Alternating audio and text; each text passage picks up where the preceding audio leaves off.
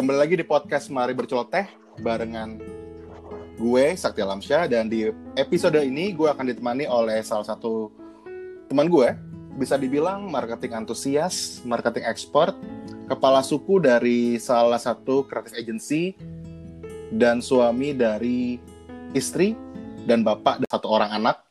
Yang lucu banget gue sering lihat di Instagramnya dan dia adalah akhirnya ketemu di podcast gua sendiri ya Dik. kita akhirnya berdua ya. terjadi juga nih podcast dan dia berdua tadinya akhirnya ya iya. udahlah kita mulai dulu masing-masing belajar benar, nih benar. karena ini lagi corona nggak bisa ketemu Hmm. gue pengen tahu deh gue pengen tahu simple sih ini ini untuk memulai pembicaraan uh, gue di podcast episode ini gue pengen tahu cita-cita lo Hmm. dari kecil atau itu mau jadi apa sih dik jurnalis terus ada ada ada hubungannya eh, dengan dengan apa yang secara du- industrinya sih mungkin beda ya, tapi sama-sama bikin konten kan kalau sekarang. Jadi Hmm. ya ada mirip-miripnya lah.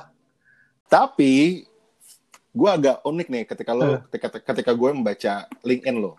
Ternyata seorang Andika Alifano adalah sarjana hukum. Apa hubungannya? Jadi kalau jadi marketer sih mungkin karena karena suka pas pas dari SMA itu gue suka baca-baca majalah bisnis. Terus juga sempat ikutan yang kayak MLM, Mm-mm. LLM gitu. Ya, itu kan harus memasarkan produk kan. Hmm, hmm. Terus juga di hukum tuh gue juga Iya, belajarnya iya, iya. ini hukum perusahaan. Jadi eh, lebih lebih ke bisnis law-nya gitu loh. Untuk karir pertama lo sebagai marketer, lo kerja di mana? Pengen tahu gue. Karena kerjaan gue pertama kali itu namanya ya social media officer. Gue bikinin konten. Dulu kan Facebook itu Oke. satu hari masih harus Ah. bikin tiga konten sehari ya. Menarik, Dik. Gue pengen tahu Hmm. karir lo sebagai profesional gitu ya. Itu berapa lama? Dan akhirnya Hmm. lo kan mulai bisnis nih. Hmm. Apa yang menjadi turning point lo?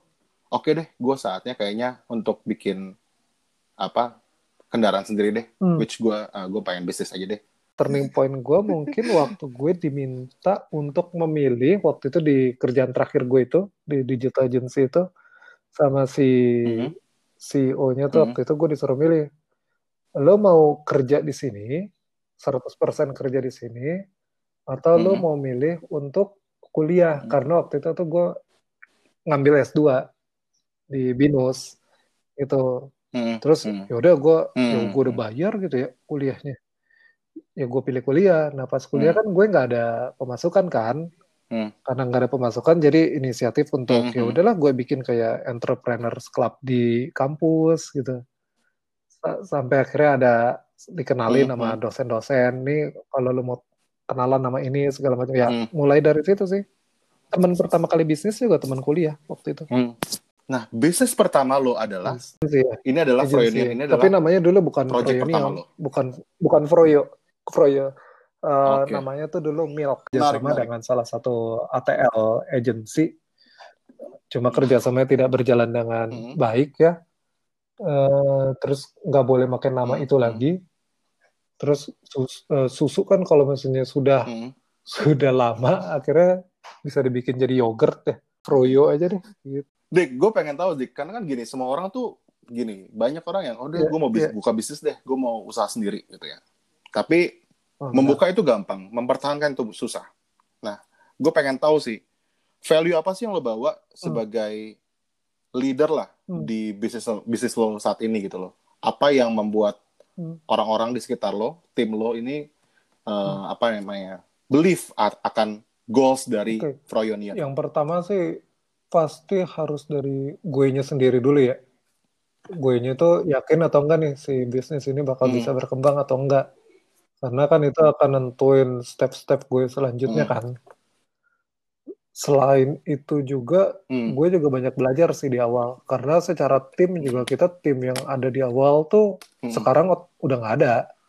Jadi ada beberapa kali bongkar pasang segala Hmm, macam sampai akhirnya gue nemu Ya. nemu anak-anak yang menurut gue punya potensi dan itu tuh beneran bagus dan harus dijagain gitu ya.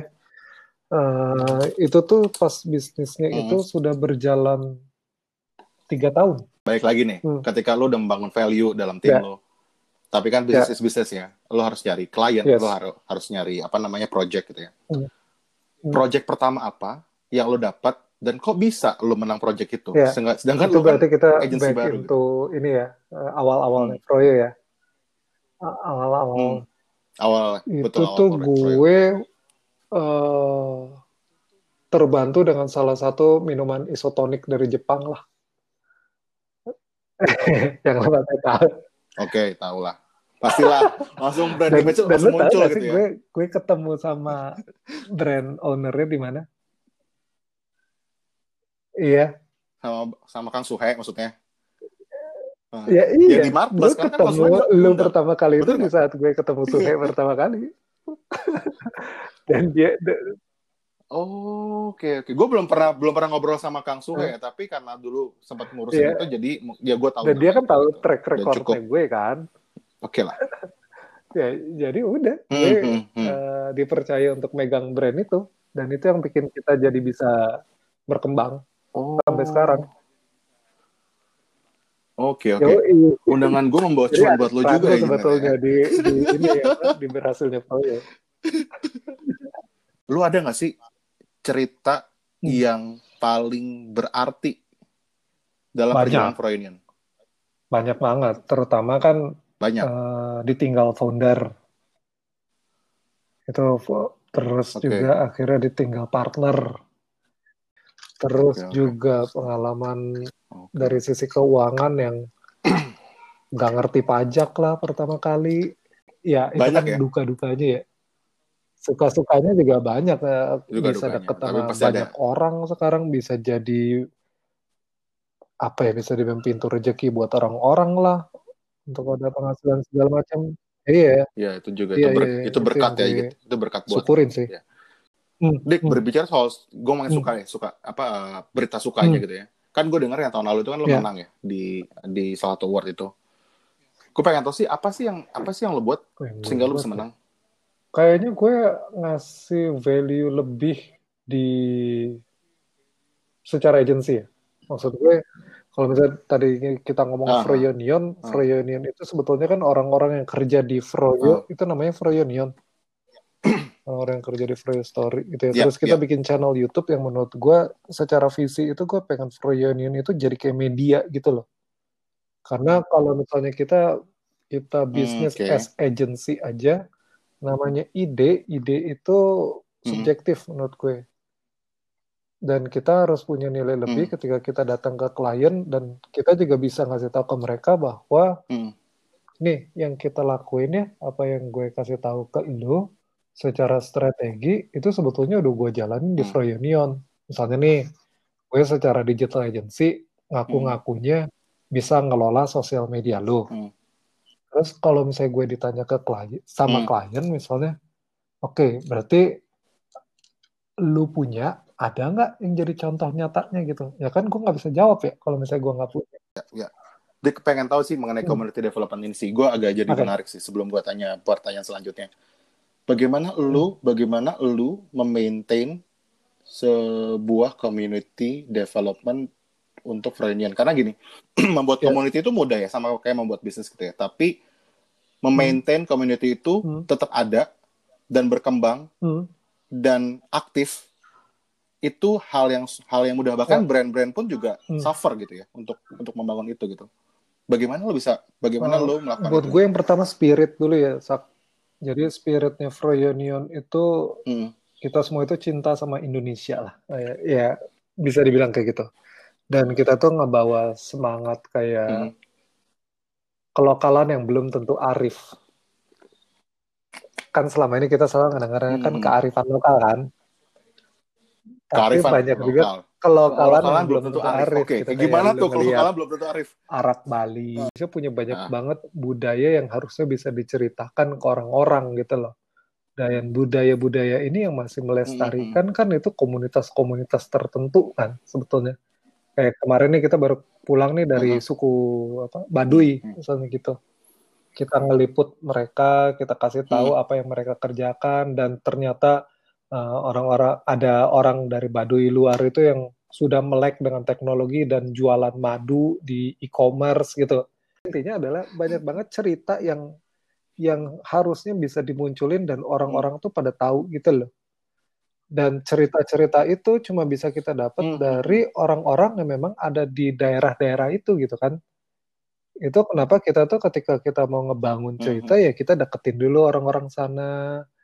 Kita bangun dulu relasi sampai Hmm. akhirnya ada orang-orang sana tuh kayak Hmm. ketika kita ke Jawa Tengah misalnya mereka tuh berkumpul gitu ya. Ini Froyonion mau datang. Ada Hmm. komunitasnya sendiri yang Hmm. akhirnya eh gue mau ngasih tahu nih di sini tuh sesimpel kayak ini ada restoran yang enak lu beritain dong yang ini biar orang-orang tuh pada tahu misalnya kayak gitu. Ya kita kita melakukan itu semua saat sampai sekarang kayak ada beberapa komunitas dari misalnya Malang atau dari apa yang ngajak ayo Froyonion datang dong ke sini kita udah siapin nih. Kalau lu datang kita bakal ada berapa orang di sini. Nah itu tuh kita maintain semuanya. Nah, Dik, ini kan udah hampir Iya. enam bulan ya sampai mungkin tujuh bulan ya eh, kita udah apa jalanin eh, apa namanya eh, PSBB lah atau menyebutnya apa ya eh, Hmm. new normal era Hmm. new normal eh, kebiasaan baru lah. Tapi kan selama ini kita nggak bisa ke mana-mana ataupun juga bisnis juga stagnan bahkan cenderung eh, turun gitu ya. Hmm. Gue pengen tahu Froyonion masih cuan atau lagi bocuan? Kalau bisnis gue, gue bisa dibilang masih berjalan dengan lancar. Jadi kenapa? Oke. Karena kan di saat digital ini justru banyak orang yang makin sering buka sosial media. Brand juga beberapa betul. brand yang gue pegang juga akhirnya ada yang mengalihkan budget-budget dari offline-nya mereka masuk ke digital gitu ya. Jadi sih secara Hmm. bisnis tergolong masih bisa dibilang aman sih buat gue sekarang. Buat Froyonya ya. Dik itu tadi lika-liku ya. Eh, apa ya? Iya. Lika-liku agency di masa pandemi. nah, Hmm. gue pengen tahu nih seorang Dika nih melihat bisnis atau enggak, melihat Froyonion 5 sampai 10 tahun ke depan itu Froyonion Kalau seperti apa? spesifik ke Froyonian ya, bukan Froyo Story doang kan berarti. Apa pun deh, misal Froyo, Froyo ya, company ya. Froyo, Eh, Froyo buat company lah. gue sih Froyo. masa pandemi Ya. ini berpengaruh sekali ke keputusan yang nanti akan dijalani di beberapa tahun ke depan sih. Karena kita justru malah ngelihat banyak sekali Hmm. potensi yang akhirnya bisa kita kembangin gitu loh. Gue nggak nggak pengen berhenti Hmm, hmm. di sisi agency doang sih. Gue pengen Froyonion juga Hmm, berkembang selayaknya media gitu loh. Kalau misalnya sekarang itu kita Hmm, hmm, Froyonion itu kan masih mengandalkan kayak personality misalnya. Jadi ada talent-talent yang kerja di dalamnya gitu dan orang-orang tuh ngelihat dari talent itu. Ke depannya gue pengen posisikan Froyonion Oke. itu selayaknya media yang punya pemberitaan apa pun lah gitu. Hmm. Eh, tidak mengandalkan personality-nya Hmm, hmm, lagi. Terus juga karena sebagai media kita juga harus bertindak Hmm. sebagai brand juga. Sebagai brand juga gue pengen semua itu bergerak Hmm, hmm, dari sisi kreatifnya. Misalnya nih kayak nggak tertutup Hmm. kemungkinan ketika kita habis bikin sekarang kaos gitu ya. Terus kita bis kita seriusin di bisnis Hmm. kaosnya ini. Terus nantinya juga kita berkembang karena kita Hmm. bisa untuk memarketingkan produk lewat online. Kita jualan produk yang lain Hmm. atau misalnya kita bikin restoran lah, apa bikin kayak bisnis makanan lah gitu. Itu sangat Iya. sangat terbuka sih. Jadi kalau sekarang sih lima tahun ke depannya masih sebatas obrolan apa yang bisa kita lakukan sebetulnya. Belum ada yang pastinya. Cuma buat kita Iya. eh, akan harusnya sih bisa dijalanin. Jadi sekarang masih dalam tahap trial and error aja sih kayak Pertanyaan selanjutnya nih, setelah kita ngomongin tentang Froyonion, Hmm. bagi seorang lo nih, si Hmm. lo udah punya Froyonion, Froyo Story, uh, broadcast, uh, punya Ya. keluarga kecil yang bahagia gitu ya, dan punya berkat buat orang-orang yang bekerja Ya. dengan, uh, untuk lo gitu ya. Lo tuh punya nggak sih cita-cita yang, yang sampai ini belum sam- belum sempet kesampaian? Iya. Apa ya? Gue cita-cita gue apa ya?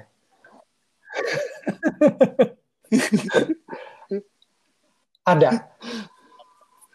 Kalau misalnya dari sisi agency, gue pengen jadi yang nomor satu sih. itu yang belum kesampaian Oke. Nah, gue pengen tahu nih, kan lu kan marketing antusias, marketing expert, terus lo director of of Royonian gitu ya, terus lo juga apa orang yang Hmm. apa lo yang digital expert lah.